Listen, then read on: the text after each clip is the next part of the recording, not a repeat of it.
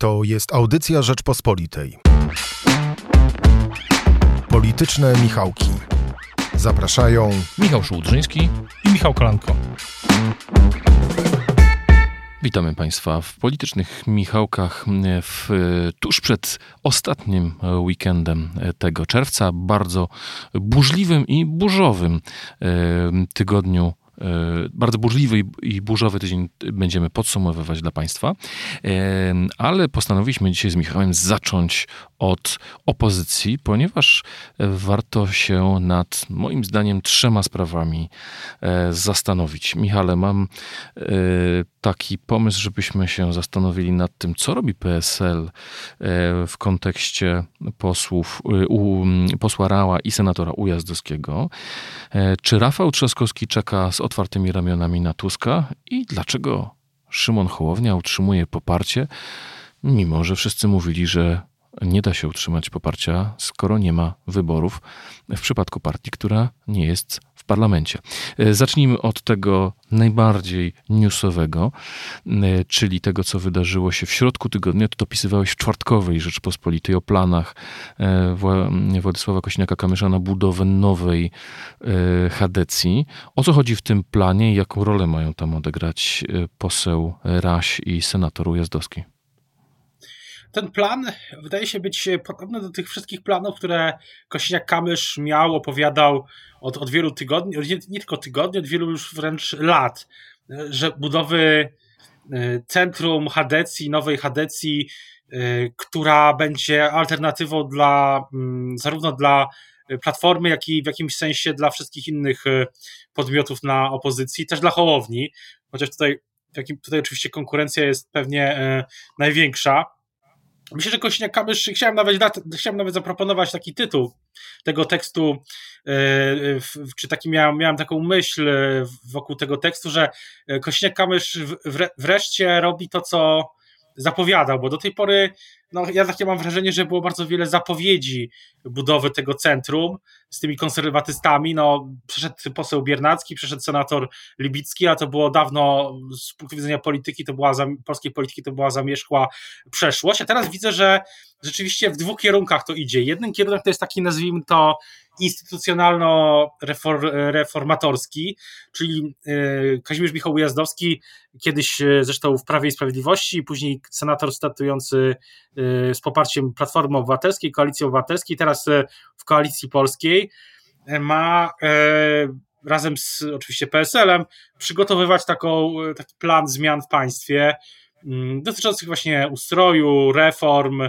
sądownictwa i tak dalej. A z drugiej strony poseł Raś ma też budować, ma budować taką odnogę mm, w też całej Polsce, razem z politykami, innymi politykami, działaczami, taką właśnie centro, e, taką chadecko-konserwatywną, żeby przyciągać pod tym kątem e, nowych polityków. Przypominajmy, że poseł Raś, przypominajmy, że poseł Raś niedawno, e, poseł Raś niedawno, niedawno był jeszcze mm, przymierzany do, Szymona, do ruchu Szymona Hołowni, ale teraz wydaje się, że nic, już teraz już na pewno nic z tego e, nie będzie, przynajmniej w tej obecnej konfiguracji, no bo kto wie, czy e, Hołownia i PSL nie będą kiedyś sprzymierzeni.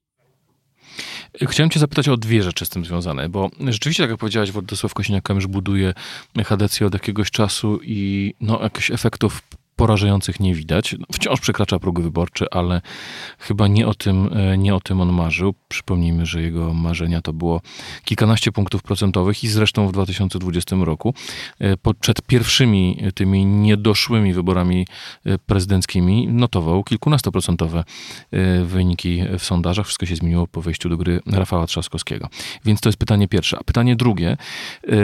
W którymś ze swoich wywiadów w tym tygodniu Grzegorz Schetyna zwraca uwagę na to, że Platforma nie może się odsłaniać z centroprawicowej flanki, e, ponieważ ci wyborcy, którzy głosowali kiedyś na PiS mm, i dziś szukają, i dziś są tą partią rozczarowani, na partię skręcającą w lewo zagłosować na pewno nie będą chcieli. Czy to właśnie o tych ludziach myśli Kosiniak-Kamysz i co on musi zrobić, żeby oni przypłynęli do niego, a nie do Hołowni?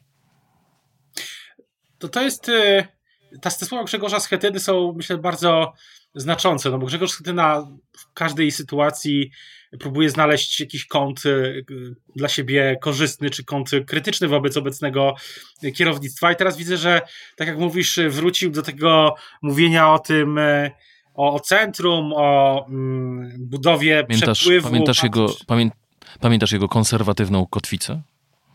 O tak, to bym mógł zapomnieć konserwatywnej kotwicy. Ja myślę tak, że e, jeśli chodzi o platformę, to oczywiście e, jest tak, że e, Platforma no, sama o sobie mówi, Bud Borys Budka też mówi, no, że jest partią takiego szerokiego centrum. Tyle, że ja mam wrażenie, że żaden wyborca PiSu e, skonwertować na Platformę się nie da, bo jest to bardzo mało prawdopodobne.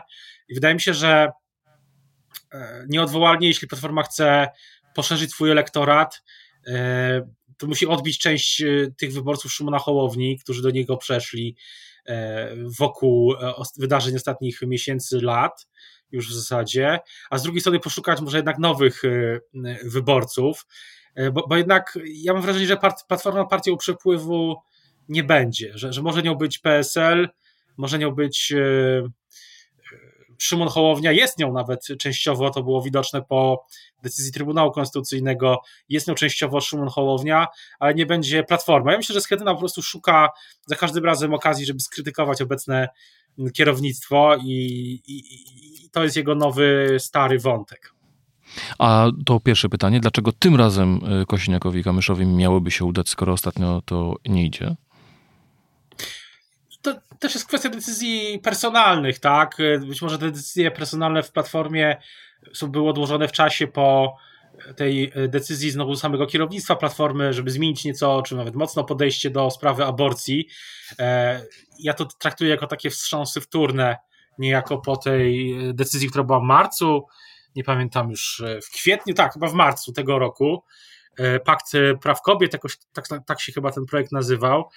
Mm, I ja to traktuję jako wstrząs, jako takie e, zapowiedź, że być może będą kolejne też transfery z tego jeszcze konserwatywnego środowiska w platformie do, e, do PSL-u. A dlaczego nie Szymon Hołownia? Być może politycy Platformy uznają, że Szymon Hołownia mimo wszystko jest zbyt świeży na scenie politycznej, nie daje takiej pewnej stabilności jak e, Kośniak-Kamysz, bo mówiliśmy o tym, że rzeczywiście Kośniak-Kamysz mówi mniej więcej to samo, no jest pod tym względem stabilna. Też wydaje się, że sytuacja wewnętrzna, ja też o tym piszę w PSL-u, jest, e, jest taka, że, że Kośniak-Kamysz też no nie, nie ma, nie będzie miał żadnej poważnej konkurencji na rzecz y, wewnętrznej. Będą są wybory w PSL-u teraz na poziomie lokalnym, później będą poziomy wojewódzkie i oczywiście poziom y, wyboru prezesa i żadnej poważnej konkurencji mieć, mieć nie będzie.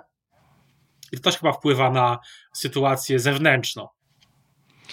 E, to przejdźmy teraz do wspomnianego już Szymona Hołowni, mm, e, bo z jednej strony jest tak, że no rzeczywiście odniósł sukces, właściwie we wszystkich sondażach jest powyżej 20%, e, ale też mm, ciekawie układa się jego elektorat.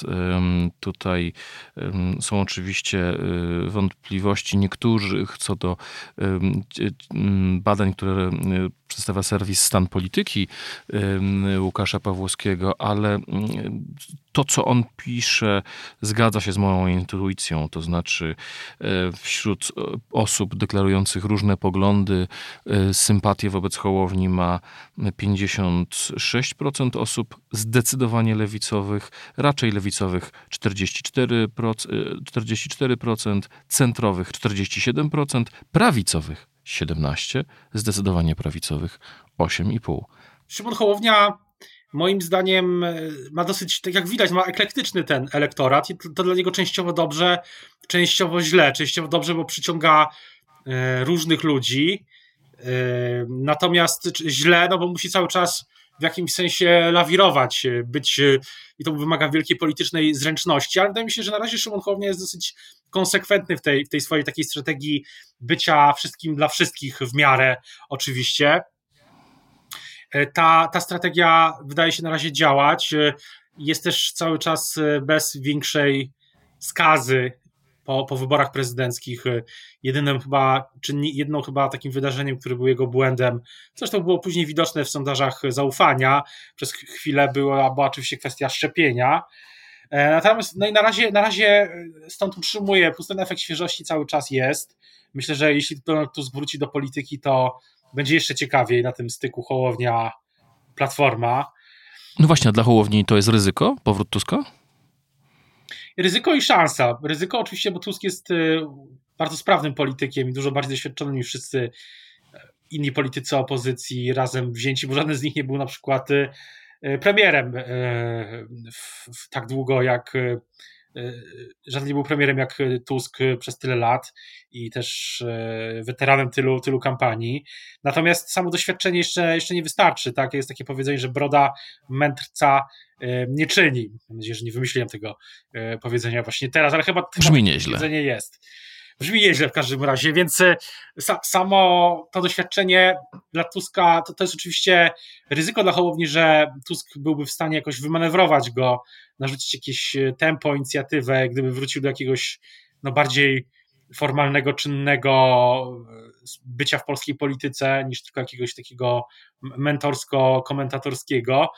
E, to jest osobny w ogóle temat, ale też jest moim zdaniem szansa, bo jeśli, e, jeśli Hołownia gra na świeżość, to powrót Tuska do Platformy i ewentualnie całej tej, całej ekipy Starej Gwardii ponownie, no to, to trudno coś bardziej skierowanego jednak dla wyborców, być może e, w przeszłość. Ja rozumiem, że Tusk chce być, myślę, że być może Tusk myśli o sobie, że jest takim Bidenem, że jest takim mega doświadczonym politykiem, który w, w takiej kryzysowej chwili dla opozycji, no wtedy dla Partii Demokratycznej, no bo trzeba pokonać Trumpa, Larum grają, y, no wraca w glorii i chwale i swoim doświadczeniem pokonuje najpierw przeciwników y, w prawyborach, tak, no tam oczywiście był też inny splot, okoli, wielu innych splotów okoliczności, specyfika amerykańskich prawyborów jest y, taka, nie inna, no ale że robi się najważniejszą osobą na opozycji, zdobywa to poparcie, czy tam tą koronę, nie wiem jak to nazwać, do, dominację na opozycji, a później zabiera się za, za PiS. Tak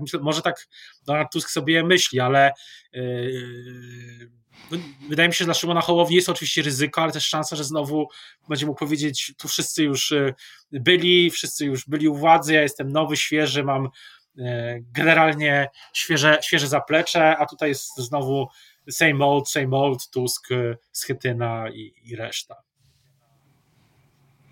E, to przejdźmy do końca naszej rundy opozycyjnej. E, postawmy kropkę na i. Twoim zdaniem Tusk wróci? A jeżeli tak, to w jakiej roli, w jakiej postaci e, i dlaczego to tak długo trwa? Myślę, że Tusk na pewno bardzo chce mm, wrócić do jakiejś takiej roli, która da mu później możliwość powiedzenia, że brał udział w zwycięstwie nad, nad PiS. E, I to jest, to jest, myślę, że to jest poza sporem, że Tusk oczywiście ma jakąś e, w sobie taką chęć powrotu do tej w miarę czynnej polityki. Jak to ma w praktyce wyglądać, to no, widzieliśmy już tyle spekulacji, tyle wersji. Ja z tego, co, z tego, co jeśli dobrze rozumiem, i z tych moich informacji wynika, że no, żadne konkrety jeszcze nie zostały realnie e, czy, czy tak naprawdę zakomunikowane. Że dalej te rozmowy gdzieś tam się mają toczyć, będą się toczyć.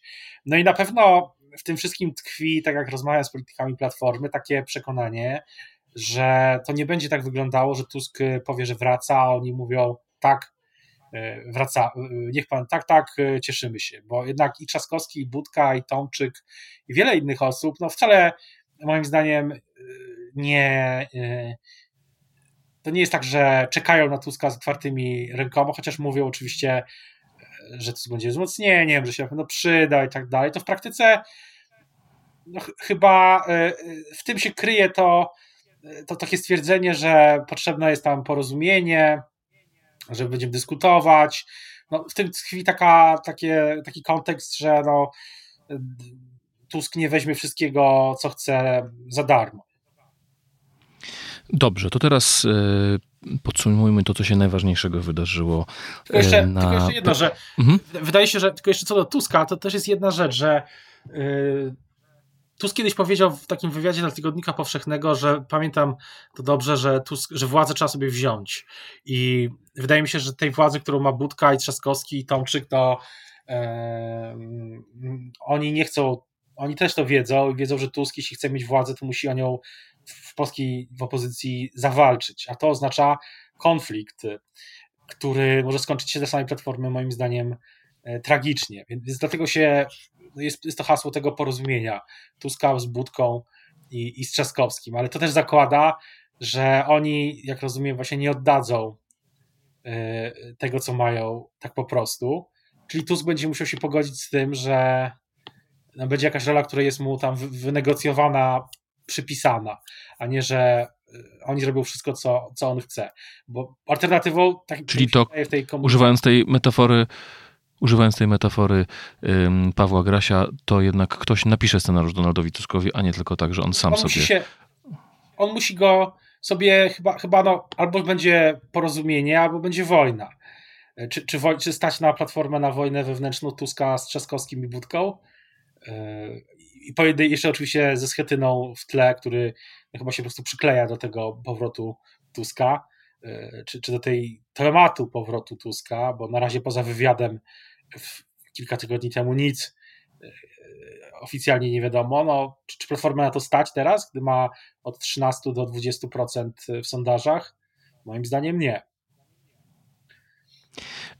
To teraz przejdźmy do, do, do, partii rządzącej, koalicji rządzącej. Mieliśmy trzy ważne wydarzenia, moim zdaniem. Znaczy, dwa mieliśmy, jedno się będzie działo. E, pierwsza jest taka, po pierwsze e, powstanie partii Adama Bielana. Po drugie, e, środowe, nocne głosowanie z nocy ze środy na czwartek w sprawie Ryszarda Terleckiego i trzech ministrów i ich obrona przez Zjednoczoną Prawicę, a też wyjaśnijmy czytelnikom, co mają, naszym słuchaczom, co mają myśleć o tym, co się będzie działo teraz w weekend podczas wyborów w porozumieniu tego lojalnego wobec Jarosława Gowina. Myślę, że jeśli chodzi o partię y, Bielana, no to Jarosław Kaczyński lubi trzymać wszystkich swoich sojuszników takich w partii swoich y, partii te frakcja sojuszników lubi trzymać y, w takiej równowadze, to znaczy równowagą dla Zbigniewa Ziobry jest nie, Przemysław Czarnek. Równowagą dla Gowina ma być Bielan i równowagą Czyli dla... już nie Zbigniew Ziobro, Y, wydaje mi się, że wydaje mi się, że teraz koncepcja się trochę zmieniła. Że y, oczywiście wszyscy, wszyscy oczywiście mają być y, w takiej równowadze, żeby nie wywrócić tego stolika, czyli no dzielni rządź, dividend impera.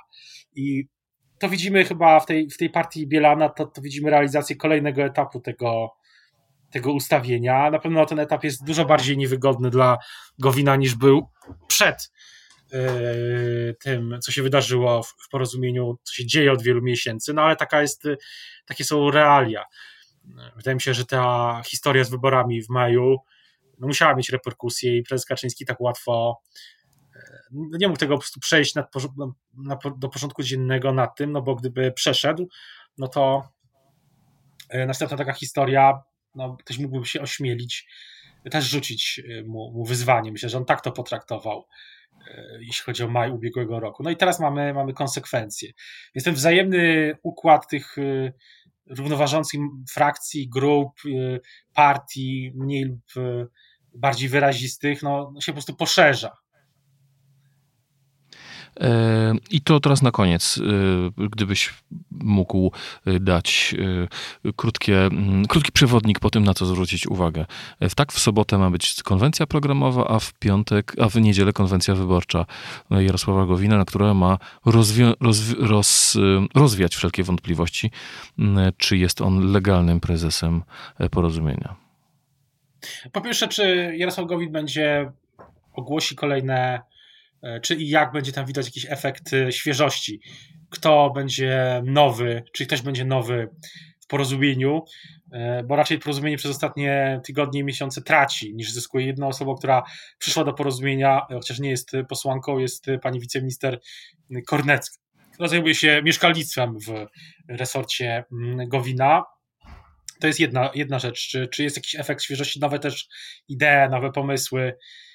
Na ile to też wygląda jak wygląda na przygotowanie się do opuszczenia, czy to jest, czy to będzie, gdzie będą akcenty bardziej rozłożone, na ile to będą akcenty, jesteśmy w Zjednoczonej Prawicy, to jest najlepszy projekt, jaki istniał, istnieje, czy mm, jesteśmy mostem między, między opozycją a rządem, albo jesteśmy, no na ile to będzie roz, roz, rozłożone. Też ciekawe, czy Jarosław Gowin pociągnie dalej ten temat y, nowa centroprawica po pandemii, bo taki temat się pojawił na poprzedniej konwencji e, Gowina. No i druga rzecz jest taka, o czym sam już mówiłeś, na ile potwierdzi swój, swój mandat, no i czy tam będą jakieś niespodziewane działania, no bo ta wojna hybrydowa w Zjednoczonej Prawicy, zwłaszcza między, myślę, republikanami a porozumieniem trwa, więc zobaczymy, czy tutaj będą jakieś niespodzianki. W takim razie życzymy Państwu miłego obserwowania tych niespodzianek i zachęcamy do wysłuchania innych audycji e, Rzeczpospolitej, jak również do słuchania naszej audycji już za tydzień.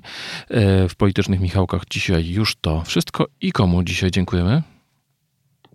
Dzisiaj dziękujemy Magdzie Burkiewicz, naszej wydawczyni, Michałowi Patyrze, który jest e, realizatorem naszego podcastu. Pozdrawiamy serdecznie, do usłyszenia. Słuchaj więcej na stronie podcasty.rp.pl. Szukaj Rzeczpospolita Audycje w serwisach streamingowych.